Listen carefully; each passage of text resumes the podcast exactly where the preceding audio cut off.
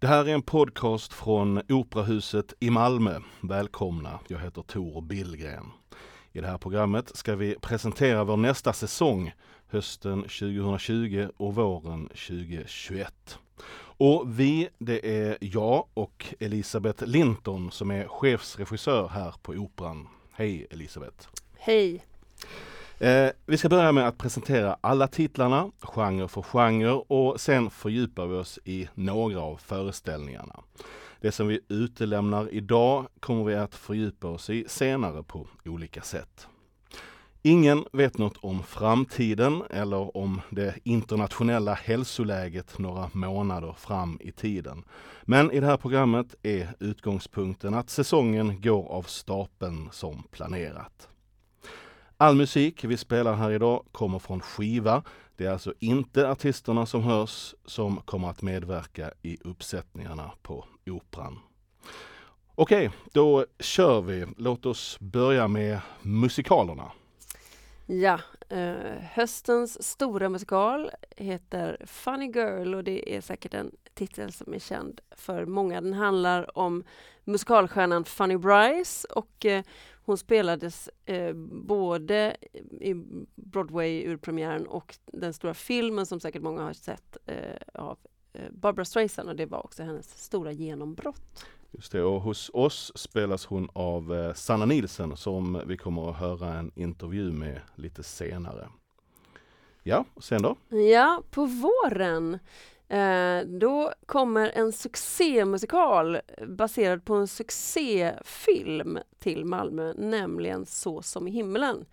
Eh, musikalen har ju spelat i flera säsonger i Stockholm och nu kommer den till Malmö men i våran helt egen version. Just det. Eh, vi kommer att höra en intervju eh, här också med Fredrik Kempe som har skrivit musiken. Sen har vi en turnéföreställning. Ja, Eh, en alldeles nyskriven turnémusikal faktiskt. Eh, den heter Dead or Alive och den handlar om världens första kvinnliga detektiv. Japp, eh, vad händer på dansfronten? Ja, Skånes dansteater eh, kommer som vanligt att göra en föreställning hos oss och i år blir det en föreställning som heter Transit eh, med musik av Sebastian Fagerlund som ju också var tonsättare till Höstsonaten som spelade Eh, den här säsongen. Eh, och med en mycket intressant koreograf som heter Tero Saarinen. Eh, därefter, över nyår och trettonhelgen, får vi besök av Tivoli, nämligen eh, deras uppsättning av Nötknäpparen. Vi får klassisk ballett och eh, scenografi och kostym är ritade av drottning Margrethe. Det låter lovande. Eh, då har vi operorna. Ja, Um, vi börjar som vanligt säsongen med opera på lastbil. Uh, och i år är det en föreställning som heter Förvandlingar i helvetet av en kompositör som heter Isabella Bolke. Uh, Förvandlingar i helvetet har spelat förut på Operaverkstan och nu kommer den alltså ut på lastbilen. Och eh, uh, Operaverkstan kommer senare på säsongen spela Väntarna, en opera av Lars-Johan Werle. Det ska bli jätteroligt att vi spelar Verle i Malmö. Eh, och det här är alltså en opera för barn, det handlar om en massa leksaker som väntar på att deras barn ska komma hem. Och på turné under hösten så går eh, Così fan tutti runt i regionen. En av Mozarts mest älskade operor. En av Mozarts mest älskade operor, alldeles riktigt. Um, den brukar heta Così fan tutte för den som är uppmärksam, det kommer vi återkomma till. Yep. Och på stora scen har vi vår första operapremiär med Falstaff, Verdis sista opera och uh, Verdis enda komedi. Mm.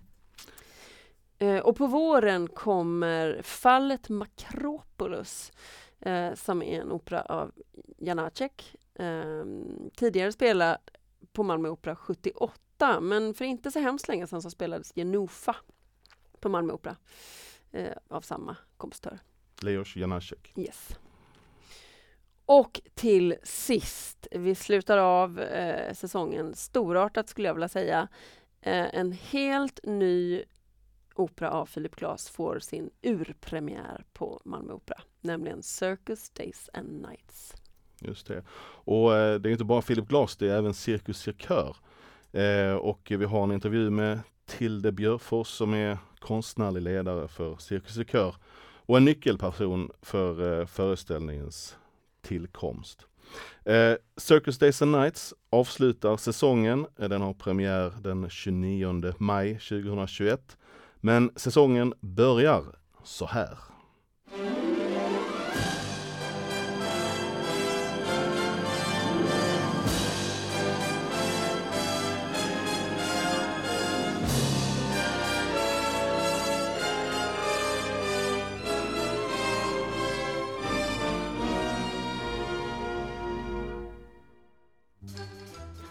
Det här är ouvertyren till Funny Girl, en musikal som hade premiär på Broadway 1964 med Barbara Streisand. Hon spelade också huvudrollen i filmen från 1968 och för det fick hon en Oscar. Musikalen handlar om en viss Fanny Bryce. Elisabeth, vem var Fanny Bryce? Fanny Bryce var en stor eh, stjärna på Broadway på 20-talet. Det fanns en stor eh, Broadway-producent som hette Sigfield och han gjorde stora Follies. Eh, och där skulle flickorna vara eh, söta och kurviga och dansa bra. Eh, och Fanny Bryce var fullkomligt övertygad om att hon skulle bli en Sigfield star. Och alla skrattade åt henne för hon hade för stor näsa, hon hade för pinniga ben. Men hon övertygade dem, hon sjöng ju helt formidabelt och var fruktansvärt rolig. Så hon blev stjärna genom att sjunga bra och vara kul och det var ju inte riktigt någon som trodde att det skulle vara möjligt. Så hon var en stark, rolig kvinna som bröt normen på 20-talet på Broadway. Mm. Eh, vilka är det som kommer till oss för att sätta upp Fanny Girl då? Ja men det är eh, idel känningar skulle jag säga. Eh, det är Ronny Danielsson som regisserar eh, och honom känner ju Malmöpubliken mer än väl. I, samma eh, regissör som har gjort eh, Kinky Boots, eh, Billy Elliot, Pippin nu senast. Eh, West Side Story, vi skulle kunna fortsätta hur länge som helst och han har med sig samma team som under Pippin, eh, Camilla Thulin, Martin Schokolosek. Eh, det är en väldigt stark kvalitetsstämpel. Mm. Sanna Nilsen som du nämnde kommer här som eh, Fanny Bryce, eh, Marianne Mörk kommer vara med, Ann-Louise Hansson. Ja, det är en, det är en eh, lång härlig rollista. Ja. Rollen som Fanny Bryce görs alltså av Sanna Nilsen. Senast hon stod på Malmö Operas scen var 2014 i Dr. Chivago. Eh, jag ringde upp och bad henne berätta om personen som hon ska gestalta på scenen. Det är ju en helt fantastisk kvinna måste jag säga. Eh, jag tycker hon är superhäftig och så stark. Jag önskar att jag kunde vara lika stark som henne i många olika situationer. Men eh, hon ger aldrig upp och hon, är liksom, hon tror på sig själv hela tiden. Jag kan bli lite knäpp på henne ibland att hon, hon bryter ju liksom inte ihop någon gång utan hon tycker alltid att hon är fantastisk och bra och, eh, eh och liksom tror på sig själv hela vägen. Eh, och det kan jag ju säga att det gör ju inte jag. och det, det, tror jag inte egentligen att någon kanske gör egentligen men men jag, tror, jag har nog hittat små grejer här nu som jag, som jag har förstått att ja, men där är hon. Där kanske vi kan hitta liksom den här sårbara Fanny Bryce också. Eh, så att eh, nu när man studerar manuset lite no mer noggrant. Så där.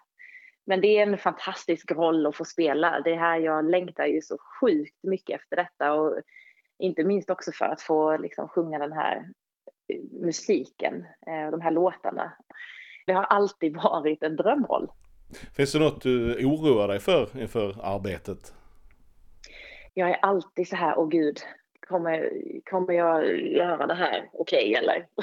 jag har alltid ångest. Jag har alltid prestationsångest och eh, jag kommer ihåg när jag gjorde Dr. Chivago på Malmö Opera. Jag, eh, jag mådde inte jättebra de första veckorna i, i repen eh, när man var nere i Malmö bara för att man kände att men vad, är, vad, vad, gör, vad håller jag på med egentligen? Kan jag detta? Vad har jag sagt ja till?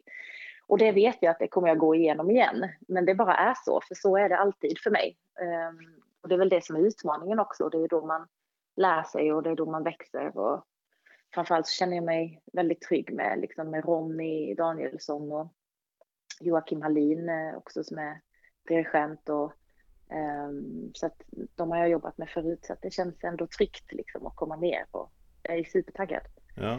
många som var med i Dr. Chivago har, har väldigt, väldigt ljusa och väldigt positiva minnen från den eh, perioden. De lyfter upp det som något av det bästa de har varit med ja. på, på operan. Har, har någon reflektion kring varför det kan vara så? Vad roligt. Alltså det är ju...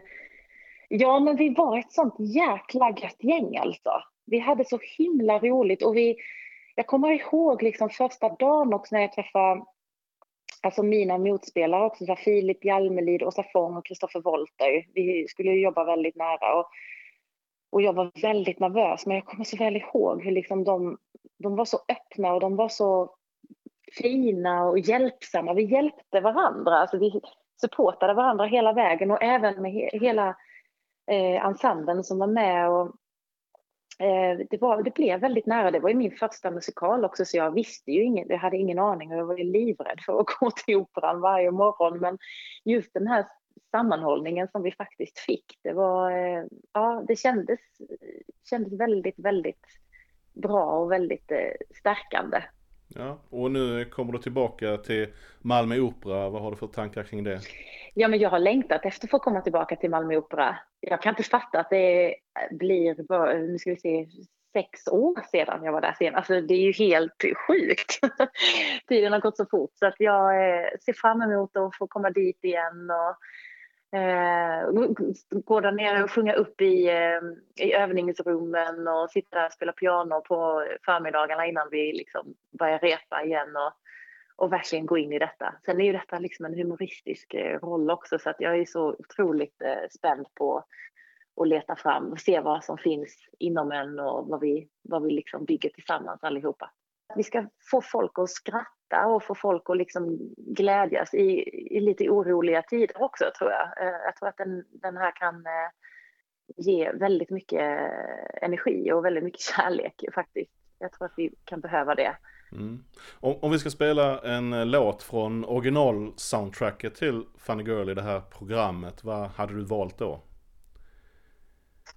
Och gud, det finns så många nu som jag har upptäckt, men jag tror ändå att för Alltså jag hade nog ändå spelat Don't Rain on My Parade alltså. Och vad är det, varför det då? Ja men den är så direkt och den går, den, ja, men den går liksom rakt in och den, eh, den handlar ju lite om det som Fanny faktiskt försöker eh, berätta. Hon står upp för sig själv och hon går sin egen väg och det är ingen som ska få komma i vägen för henne. Don't tell me not to live, just sit and putter. Life's candy and the sun's a ball of butter. Don't bring around a cloud to rain on my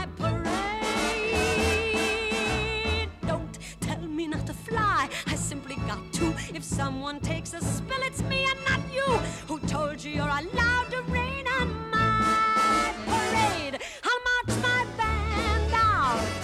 I'll beat my drum. And if I'm found out, your turn at bat, sir. At least I didn't fake it, hat, sir. I guess I didn't make it, but whether I'm the rose of sheer perfection or freckle on the nose of life's complexion, the cinder or the shiny apple of its eye. I gotta fly once, I gotta try once, only can die once, right, sir? Ooh, life is juicy, juicy, and you see I'm gonna have my bite, sir. Get ready for me, love, cause I'm a comer. I simply gotta march, my heart's a drummer.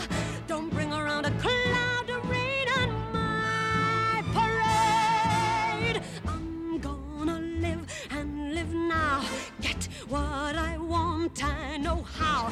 One roll for the whole shebang. One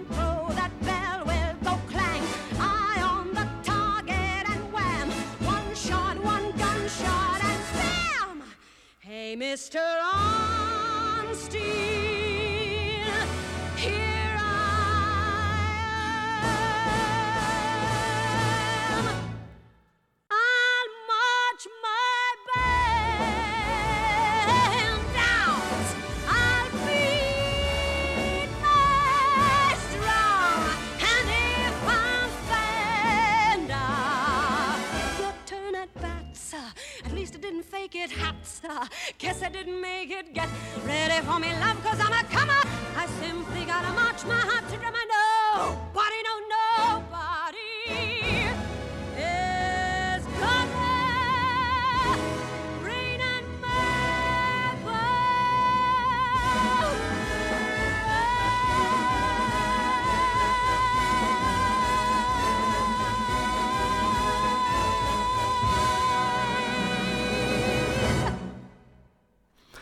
Don't Rain On My Parade med Barbara Streisand. Från filmsoundtracket till Funny Girl från 1968. Det var Sanna Nilsen som föreslog att vi skulle spela den. Den svenska översättningen kommer att vara gjord av Kalle Norlén och Funny Girl har premiär den 4 september. En vecka senare, den 12 september, är det premiär för Così fan tutti som är en turnéföreställning. En av Mozarts mest älskade operor som hade urpremiär i början av 1790, knappt två år före hans död. Elisabeth, vad är det här för opera? Eh, ja men som du, som du säger, en av Mozarts mest älskade operor men eh, jag skulle också våga påstå som innehåller mycket av hans allra vackraste musik. Um, och den brukar ju ibland uh, bli utskälld för att ha en väldigt uh, tramsig historia. Uh, jag tror nog tvärtom, att tar man historien på allvar så blir det både den allra vackraste musiken och en väldigt vacker historia. Ehm, det är ju en slags förväxlingskomedi men som sagt med en massa allvar om man, om man vågar titta på den. Um, vi kallar den ju som du precis sa, Così fan tutti. Den uppmärksamma har nog lagt märke till det för den heter ju egentligen Così- fan tutte. Eh, men det har också funnits perioder när den har kallats för La Scuola degli Amanti, alltså eh, älskarnas eh, skola. Eh, eller de älskandes skola, vilket egentligen är en mer korrekt titel varför vi har valt att säga just Così fan tutti. När det är tutte så betyder det så gör alla kvinnor, men säger man Così fan tutti så betyder det så gör de alla, eller så gör, så gör alla. Det män och kvinnor. Både män och kvinnor, precis. Så vi kommer in i ett eh, i, i tonårsrummet har krupit in i operan här och det är en massa kläder och eh, tyger och ja, en utklädningsfars kan man säga. Okej. Ja, vi ska lyssna på terzetten eh, Suave sia il vento. Eh, Malmö Operas uppsättning kommer dock att sjungas på svenska. Översättningen är gjord av Boel Adler. Blås vänliga vindar på vaggande vågor. Låt himlen och havet ge skydd och bevaka så resan går väl.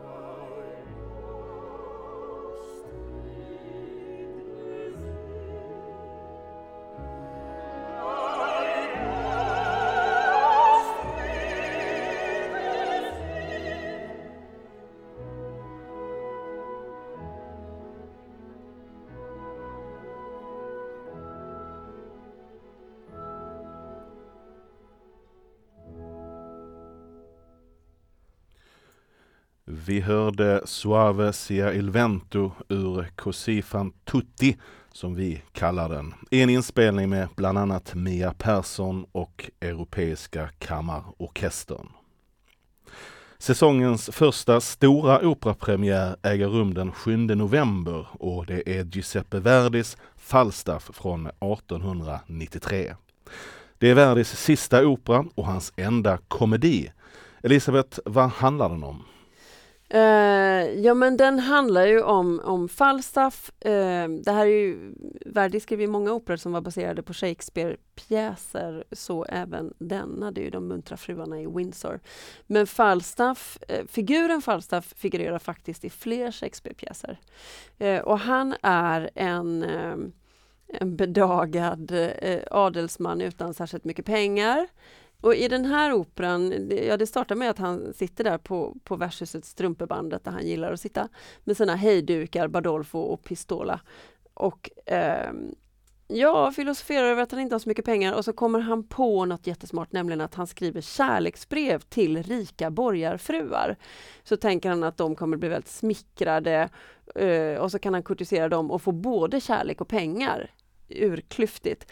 Problemet är att han skriver då till Meg Page och Alice Ford och de känner ju varandra. Så de upptäcker ju det här och jämför sina brev och tänker tillsammans eh, med Alices dotter Nanetta och sedan fru Quickly så bestämmer de tillsammans att nu ska vi dra honom där vid näsan.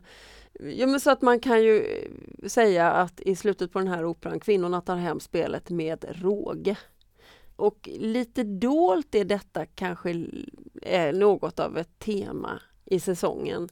Ehm, för faktiskt så firar vi ju eh, den här hösten 20, en, ett jubileum, ett jubileum som sträcker sig från, från hösten 19, hösten 20 och sedan faktiskt till hösten 21, nämligen kvinnlig rösträtt i Sverige som fyller 100 år. Eh, och och ehm, Första gången det valdes var ju 19, 1919 och sen var det omval 1920 och sen så första gången som det blev ett egentligt val för eh, alla där eh, kvinnor fick delta var ju 1921. Så att, så att det här är ju ett hundraårsjubileum som sträcker ut sig över tre år.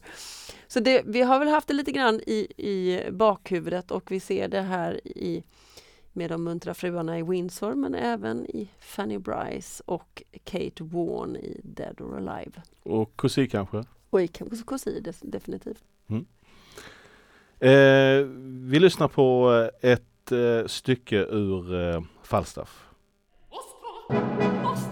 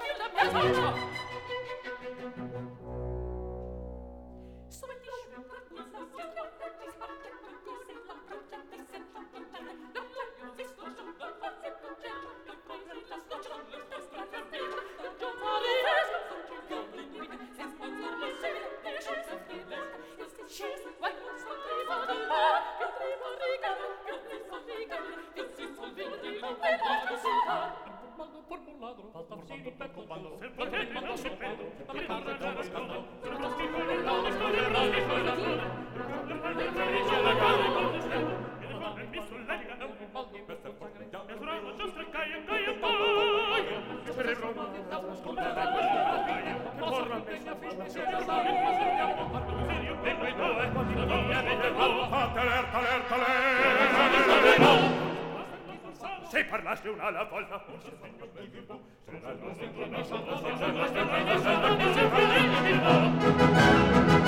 Ripeti In due parole. Ett stycke ur första akten ur Falstaff där både damerna och herrarna planerar att avslöja Falstaffs amorösa planer. Det var en inspelning med Berlinfilharmonikerna under ledning av Claudio Abbado. Eh, Falstaff görs av samma team som gjorde Flygande holländaren på Malmö Opera 2019 med regissören Lotte de Beer i spetsen. Elisabeth, vad kan vi förvänta oss av det här? Eh, ja men när det är Lotta de Beer som regisserar så är det, mm, eh, det betyder en spännande tolkning, det betyder god personregi och hon har ju också med sig sin, sin scenograf som var samma scenograf som under eh, Flygande holländaren, nämligen Christoph Hetzer. Um, som ju är en riktig tungviktare i uh, europeiskt operaliv. Han har ju jobbat i Salz, Salzburger Festspiele, mm, Bayreuther Festspiele, Deutsche Oper, eh, både Lotte och Christoph eh, oerhört goda eh, hantverkare och eh, fantasifulla. Så att, mm, mycket spännande team och det är Steven Sloan som dirigerar precis som i Flygande holländaren. Ja, operans eh, första gästdirigent. Just precis. Och Martin Winkler kommer sjunga huvudrollen Falstaff. Det är en eh, Ehm, mycket spännande sångare som har sjungit på de flesta stora scener runt om i världen. Metropolitan, Covent Garden, eh, Salzburg Festspiele och så vidare. Okej. Vi går vidare. En av de senaste årens absolut största succéer på svenska scener är musikalen Så som i himmelen. Den hade premiär på Oscarsteatern i Stockholm hösten 2018 och har också spelats i Oslo. Och i Malmö har den premiär i februari 2021. Den bygger på Kai Pollaks film med samma namn, en film om eh, musikens kraft och glädjen i att sjunga. Elisabeth, eh, Malmö Opera gör en helt egen och ny uppsättning av den här musikalen. Eh, vilka är inblandade? Ja men regi står eh, Edvard af Sillén för. Eh, och han var faktiskt involverad i eh, tillblivelsen av musikalen i Stockholm. Han var alltså med och skrev texten tillsammans med Kai Pollak. Um, och nu kommer han alltså regissera föreställningen, vilket vi tycker är jättespännande eftersom han kan den eh, utan och innan och eh, var med första gången och nu får chansen att göra sin egen version. Dirigenten Daniel spelas i, på Malmö Opera av Fredrik Lycke och Lena som jobbar i eh, affären och som träffar Daniel eh, spelas av Ester Hedlund. Ester kommer från Malmö och hon har sjungit i Malmö Operas barnkör. Och sen har hon gått på Heleneholms gymnasium på danslinjen och har gått Balettakademin och kom sedan in på Artisten i Göteborg. Hon har också spelat sommarteater i Krapperup. Men nu till våren blir hon färdig musikalartist, utbildad från Artisten och nu kommer hon till Malmö Opera och gör den här rollen. Tycker vi är jätteroligt att hon kommer tillbaka. Och kommer till oss med sin första stora roll som färdig musikalare. Mm. Låttexter och manus har skrivits av framförallt Kai och Karin Pollak. Men Edvard af Sillén, som sagt, och kompositören Fredrik Kempe var också inblandade i textarbetet. Fredrik Kempe är klassiskt skolad men har också haft stora framgångar som schlagerkompositör. Och hans första musikal var Jonas Gardells Livet är en schlager 2014. Jag ringde upp Fredrik Kempe på en lite svajig linje och frågade hur det var när de närmade sig premiär hösten 2018. Hade de på känn att Så som i himlen skulle bli en sån framgång? Ja, alltså det var ju en otroligt skräckblandad förtjusning man närmade sig premiärdagen, det måste jag ju erkänna. Eh, jag, jag tyckte det kändes på, på ensemblen. Jag, jag hade en, känner de flesta i ensemblen i Stockholm. Gamla kompisar som jag har jobbat med genom åren. Eh, det kändes på dem som att de kände att det här kan bli bra. Det här är någonting som är fint. Ja. Varför tror du att den är så framgångsrik? Ja, jag vet faktiskt inte. Det är ju en väldigt fin berättelse från början som sjunger. Eh, den har, den har en, en melodi i sig, själva filmen om man tänker på den. Eh, och sen så det är ett enormt hårt arbetet med manuset som, som, vi, som vi jobbade med. Framförallt Kaj och Karin såklart, men även jag. Vi jobbade väldigt, väldigt, väldigt, väldigt, väldigt mycket med manuset. Det gjorde vi under flera års tid. Eh, sen jobbade jag väldigt hårt med musiken och skrev. Det finns säkert 15 låtar som inte är med som ligger i min byrålåda så att säga för att vi gjorde nya versioner, vi anpassade, vi tänkte. Vi försökte lyfta hela tiden så att vi kände att vi, gav berättelsen alla möjligheter att få blomma. Så som i himlen har spelat för fulla hus på Oscarsteatern i Stockholm och, och även i Oslo. Och nu ska den göras i en helt ny uppsättning på Malmö Opera med ny regi, nya artister, ny scenografi. Eh, vad har du för tankar kring det? Jo, men det ska bli jättespännande att se detta. Jag eh, är ju inte inblandad i det Eh, i någon större utsträckning utan jag eh, kommer komma och titta som vilken nyfiken eh, eh, publik som helst. Men jag vet ju att det är Edvard af Sillén som gör regin och han är ju fantastisk. Så att det, det ska bli jättekul att se. Och det ska bli jättehärligt att höra kören. Det ska bli fantastiskt att höra det spelas via fina orkester. Så att det, det är många saker som jag ser fram emot. Ja, eh, var eh, börjar man någonstans när man skriver musikdramatik? Det första jag gjorde när jag började med Så som i himlen, det var att jag ville skapa någon slags eh, kärna i verket. Så att det fanns, så att jag själv hade någonting att luta mig mot, referenspunkter när jag så säga, gick vidare i, i projektet. Eh, så att, eh, och i, i Så som i himlen så finns det ju, på gott och ont, så fanns det ju och finns det ju redan en fantastisk eh, låt som heter Gabriella sång. Och eh, den var ju såklart ett eh, fundament i hur, hur jag skulle skriva musiken.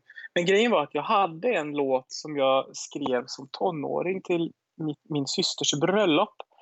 Eh, och den spelade jag för Kai och även för Vicky och Johan som producerade. Eh, och den har, hade någon slags omedvetet eh, ett slags syskonskap med Gabriella sång. Eh, och det är den första låten som Daniel sjunger i, eh, i Så som himlen som heter Den tid jag har. Så att de två låtarna i den akten blev så att säga, det, den ena börjar akten och den andra avslutar akten. Så att någonstans så hittade jag ett, ett centra där i, i hur, jag, hur jag skulle skriva resten av låtarna. Och sen så när jag skrev, när, jag, när vi gick vidare i berättandet så försökte jag hela tiden att musikaliskt luta mig mot dem så att, säga, så att det skulle hänga ihop. Även om det är lite olika genrer genom musikalen så melodispråket skulle liksom hänga ihop med de två tre första låtarna som redan fanns. Hur, hur skulle du beskriva det melodispråket? Det är lite svårt, men det är klart att eh, man har ju definitivt någon slags folktonskänsla eh, i det. Men eh, att försöka skriva ganska så skit och ganska skört, men väldigt, väldigt tydligt så att man kan göra stora arrangemang på det. För i filmen och i berättelsen så finns det ju väldigt stora teman så att säga rent berättarmässigt och det tror jag var någonting som jag kände att jag ville eh, spegla med musiken, att det är ganska tydliga stora teman som, som finns.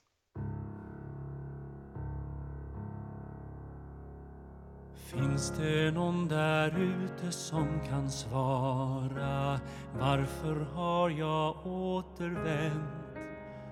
Finns en mening som jag inte känner än finns en framtid bortom allt som hänt. Här är allt bekant men ändå okänt i min gamla barndomsby. Med blanka sidor i mitt livs kalender ska en okänd dag få gry. Så när jag tänker på livet som jag fått leva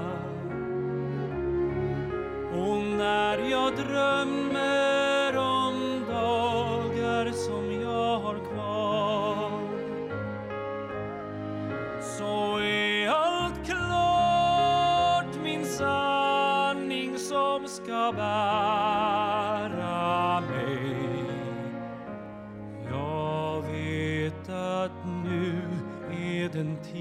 jag har. Jag är fri och jag ska bara lyssna. Ta tillvara varje dag. Inget utanför ska längre styra mig. Jag ska njuta varje andetag. Som ett nyfött barn är jag på jorden. Naken inför denna dag Befriad ifrån alla krav och villkor kan jag pröva vara jag. Så när jag tänker på livet som jag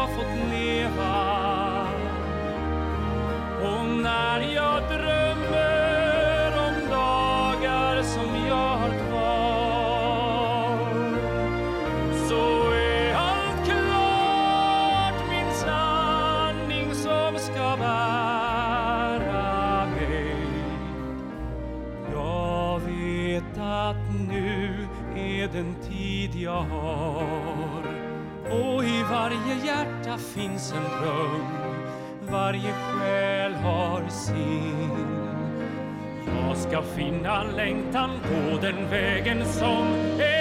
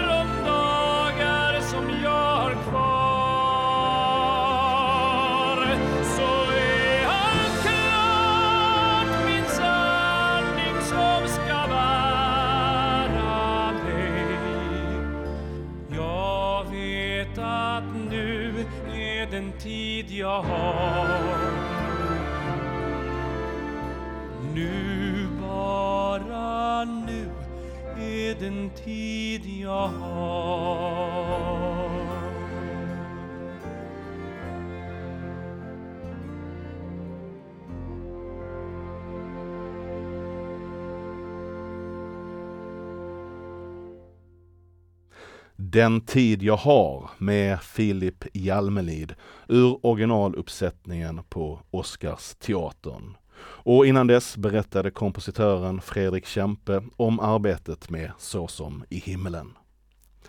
Det här är en podcast från Malmö Opera där vi går igenom några av verken från den kommande säsongen. Och vi har kommit till säsongens andra stora opera, nämligen Fallet Makropoulos som har premiär den 20 mars 2021. Den är skriven 1926 av den tjeckiske tonsättaren Leos Janáček.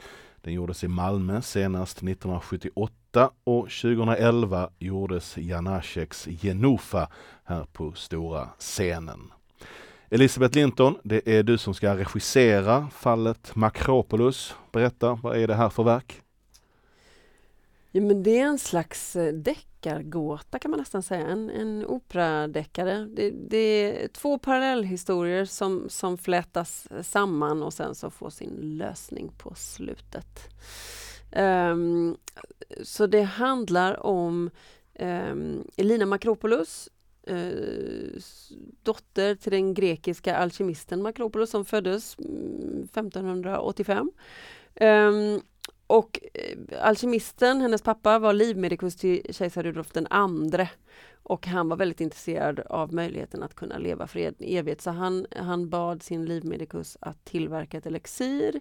Och när denne gjorde det så vågade Rudolf inte prova det själv utan eh, han gav order om att det skulle provas på livmedikusens dotter, nämligen Elina Makropoulos. Eh, vilket resulterade i att eh, hon kom till att leva i över 300 år. Och givetvis går det inte att leva i 300 år som en och samma person utan hon måste ju hela tiden skifta identitet. Okej.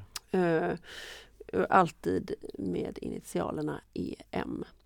Och som en av sina identiteter eh, heter hon eh, Elian McGregor och där träffar hon, eh, då träffar hon en, den enda man hon någonsin har älskat och de får ett barn som han testamenterar ett stort gods till. Och när vi kommer in i historien så har den här eh, striden om det här godset pågått i hundra år. Men hon är ju fullkomligt ointresserad av det för det hon vill ha är receptet på elixiret som ligger tillsammans med testamentet för att kunna leva 300 år till. Eh, och den stora cloun är väl kanske om det är värt att leva 300 år till, om, om hon eh, jag kan avslöja att hon kommer fram till slut att hon vill inte det. Det är inte värt att leva ett liv när man inte vet när det slutar, att det slutar. Mm. Eh, den här operan skulle väl också kunna falla inom ramen för det här temat med starka kvinnor? Absolut, hon, hon eh, lär sig ju verkligen genom sina 337 år eh, att eh, klara sig själv. Det får man säga, men hon kommer ju också fram till, eh, och det, operan hanterar ju de här frågorna som evig ungdom och evigt liv och om det verkligen är lyckan att leva för evigt. Ehm, och det är ett oerhört intressant verk att spela idag, tycker jag. Ehm, och det hon kommer fram till är som sagt att du, du kan leva lyckligt för att du vet att livet eventuellt kanske tar slut strax. Eh, Låt oss lyssna till början av ouvertyren. Det är väldigt dramatiskt här i början. Vad är, vad är det som uttrycks där? Ja, den är dramatisk som du säger, men det finns också så, så mycket annat. För mig så är det så många olika historier som pågår samtidigt. Och det är väl det som det är med den här karaktären. Eh, Emilia Marty, hon är ju alla de här personerna samtidigt och de frågar henne eh, Ja men den här personen då? Ja det var jag. Ja men den här personen? Ja det var ju också jag. Och jag tycker att jag hör i musiken alla de här olika personerna parallellt och ibland så hör man någonting nytt och då förstår man att då är det ett minne, hon kanske ser någon och blir påmind om någonting. Eh, att hon är alla de här kvinnorna på en och samma gång.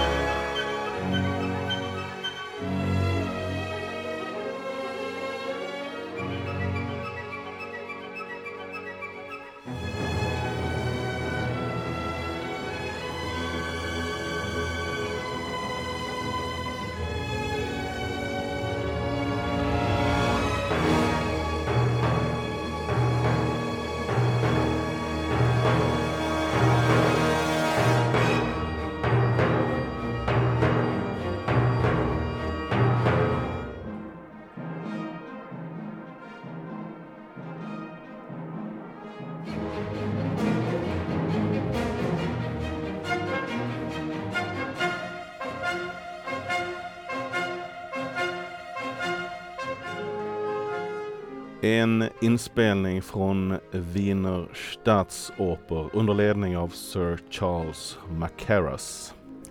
Eh, Patrik Ringborg dirigerar föreställningen. Vilka artister står på scenen? Ja men som Emilia Marty ser vi och hör vi eh, Agneta Eichenholz. Så det är ju igen en eh, sångare som är oerhört rolig att få välkomna tillbaka till Malmö. Ehm, hon är från Malmö från början och har sjungit i kören på Malmö Opera, var cover för Helen Sjöholm som Kristina och har sedan gjort en stor eh, karriär ute i Europa. Ehm, och gjorde ehm, Det färna klang eh, på Stockholmsoperan här för, i den här säsongen och kommer nu till Malmö Opera som Emilia Marti. Eh, och Gregor sjungs av Daniel Frank som ju också, han gjorde ju Latsa i Genofa. Och eh, Lars Arvidsson är också en gammal bekant. Han har ju gjort både, varit med i både Aniara och King Lear och Parsifal. Tusen och natt på Malmö Opera och Tommy Hakala gör eh, Prus, Baron Prus. Jag kommer fram till eh, säsongens stora sensation. Circus Days and Nights. En helt nyskriven opera av Philip Glass med Cirkus Cirkör på scenen. Den får världspremiär den 29 maj 2021. Philip Glass är en amerikansk eh, kompositör född 1937 och är känd för sitt repetitiva tonspråk som han har arbetat med sedan slutet av 60-talet. Han har skrivit ett femtontal stora operor och lika många kammaroperor. En av de mest kända är Satyagraha som spelades på Folkoperan för några år sedan i samarbete med just Cirkus Cirkör. 1996 sattes hans Huset Aschers undergång upp på Intiman i Malmö. Eh, Elisabeth, hur känns det att kunna presentera en sån här grej för publiken? Det är enormt stort, måste jag säga. Alltså det känns ju helt eh, fantastiskt att vi kommer ha en urpremiär av en Philip Glass-opera på Malmö Opera.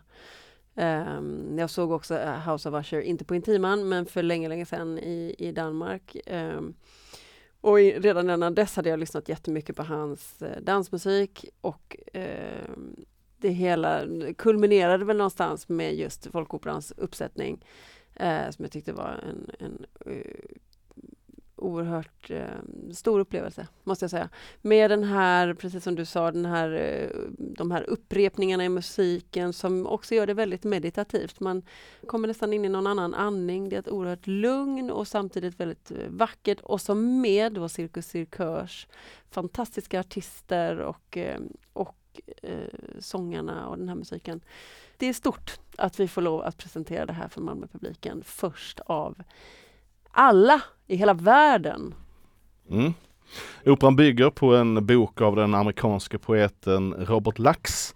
Eh, och eh, den handlar om eh, cirkusen som metafor för skapelsen och livet och jorden. Och... Philip Glass själv har ju, har ju sagt att i have, I have often thought how much like a circus the world is and how the more like a circus it becomes, the better.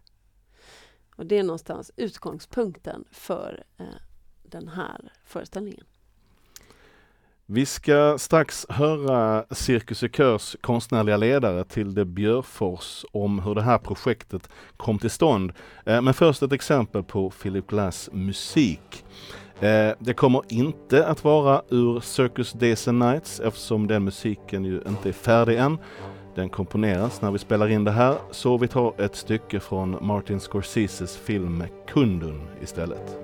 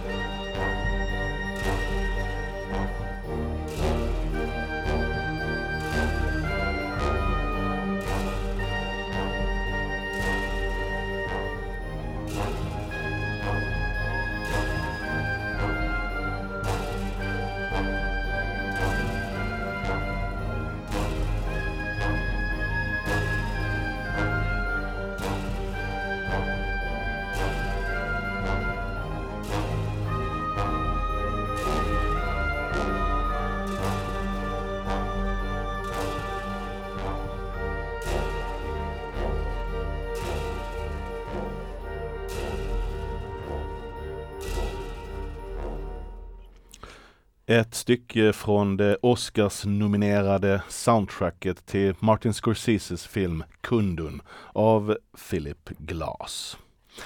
Eh, ja, 2016 satte alltså Folkoperan i Stockholm upp Satyagraha i samarbete med Cirkus Cirkör. Tilde Björfors eh, regisserade föreställningen men hade då inte träffat Philip Glass. I november 2017 kom han till Malmö för att uppträda på Malmö Live och då bjöds Tilde Björfors in till en middag med Glas och de andra artisterna kvällen innan. Och då hade jag i mig så här, ja men jag ska inte gå härifrån utan att fråga om han vill göra musik till något som vi gör. Men jag hann inte komma så långt för vi satt där och så satt vi mitt emot varandra på, på middagen och sen så bara eh, plötsligt mitt under middagen, jag satt och pratade med en av pianisterna och så vidare, så, så riktade han sig mot mig och bara, och vem är du? Du är inte härifrån. Eh, och så, så sa jag, ja men jag är från Cirkus i kör och vi har gjort Satyagraha. Ah! You are the one! Och så började han berätta om att han har ett, eh, för eh, 10-15 år sedan köpt rättigheterna till Circus Days and Nights som är ett poem skrivet av eh, Robert Lax som är en amerikansk eh, poet som är inte alls så jättekänd men det här verket, eh, Circus Days and Nights, det hade jag som min husbibel under fyra år och läste nästan, varje, nästan dagligen när jag gjorde mitt forskningsprojekt som pågick i fyra år Eh, där jag jobbade och intervjuade massa cirkusartister och, och, och så vidare. Och poe, po, poesin går liksom ut, det som man kan läsa från den är att han sätter cirkusen som metafor för världen och livet. Och, och, att då Philip hade köpt rättigheterna till den. Och sen så nästa sak som han sa var, ja, och det gjorde jag för att jag har drömt om att göra den, men jag har inte hittat min cirkus. Men nu har jag ju hittat dig. och Cirkus i kör. Eh, så så började våran, våran, eh, vårat samarbete med Circus Days and Night. Men, men hur kändes det när han sa just det och nu har jag hittat dig? Nej men det var helt galet, hela den kvällen var ju helt galen för att då satt vi där först på middagen och sen så gick vi ner i foajén och fortsatte bara att prata och prata. Och så satt jag med en 81-årig var han då, eh, Philip Glass i en foajé framåt ett på natten och pratade om det här. Eh, och han skulle ha konsert nästa dag. Eh, så, så, jag, så det var ju helt eh, galet på ett sätt. Så jag, jag var ju helt hög när jag gick därifrån eh, mitt i natten genom Malmö. och sen började jag ju, då gällde det ju att handla fort. För att Sikör är ju en liten eh, cirkus. Vi kan ju inte sätta upp en fantastisk Philip Glass med operasångare och allt tänkte vi. Eh, så jag började ju leta efter någon som ville göra det här tillsammans med oss. Och Philips dröm var ju egentligen att det skulle vara i In the Round. Alltså i, i eh, cirkulär. Men eh, då, då hittade jag ju Mikael ganska... en av de första jag ringde och frågade om råd var Mikael. Eh, och då så var hans förslag att vi skulle göra det på Malmö Opera. Varför ringde du just eh, Mikael Bojesen? Eh, för att han hade ju eh, tagit eh, Satyagraha till, när han var, när han var opera, den här operafestivalen i Köpenhamn var han ju ansvarig innan han kom till Malmö. Så att jag visste ju att han tyckte om den föreställningen. Men det, så slutade det med att det blev Malmö Opera. Och det som är roligt med Filip är att han älskar ju Malmö. han har trivts så himla bra där. Eh, han var ju där första gången då när vi träffades på, när han spelade på Malmö Live första gången. Och sen så var han ju där eh, förra året också. Men jag tror att han har haft roliga möten och han tycker om att få se andra delar av städer och, och så också. Tilde Björfors, konstnärlig ledare på Cirkus Cirkör. Circus Days and Nights har premiär den 29 maj 2021. Men det är inte den enda världspremiären under den här säsongen. Nej, det stämmer. Vi bjuder på ännu en, en urpremiär, en världspremiär eh, på våren. Och det är en nyskriven kammarmusikal som går på turné i hela regionen, nämligen Dead or Alive eh, med undertitel Balladen om Kate Warn. Och den handlar som sagt om eh, världens första kvinnliga detektiv som, eh, och det är alltså baserat på en, en verklig historia. Naturligtvis har upphovsmännen Mats Kjellby, Patrik Rydman och Martin Schaub spunnit lite runt omkring den här personen, för det är inte allting vi vet, men vi vet att hon dök upp i Chicago um, på Pinkertons detektivbyrå. De hade annonserat efter en ny detektiv och hon kom in och sa att jag söker jobbet och de sa att tyvärr, vi har redan en sekreterare. Nej, men jag ska vara detektiv. För att som kvinna kan jag mycket bättre um, klä ut mig, näsla in mig, eh, vara osynlig. Och eh, hon fick jobbet, eh, blev en oerhört framgångsrik detektiv, fick dessutom Pinkertons detektivbyrå att blomstra. Och då har naturligtvis upphovsmännen eh, fantiserat runt omkring det här. Men som sagt, en nyskriven musikal eh, runt om i hela regionen kommer här under våren. Mm. Okej, tack Elisabeth Linton. Vi har en spännande säsong framför oss. Jag förmodar att du är mitt uppe i förberedelsearbetet med fallet Makropolis just nu. Det stämmer bra. Vi ska snart vara eh, färdiga med kostym och scenografi, så vi jobbar för högtryck. Mm.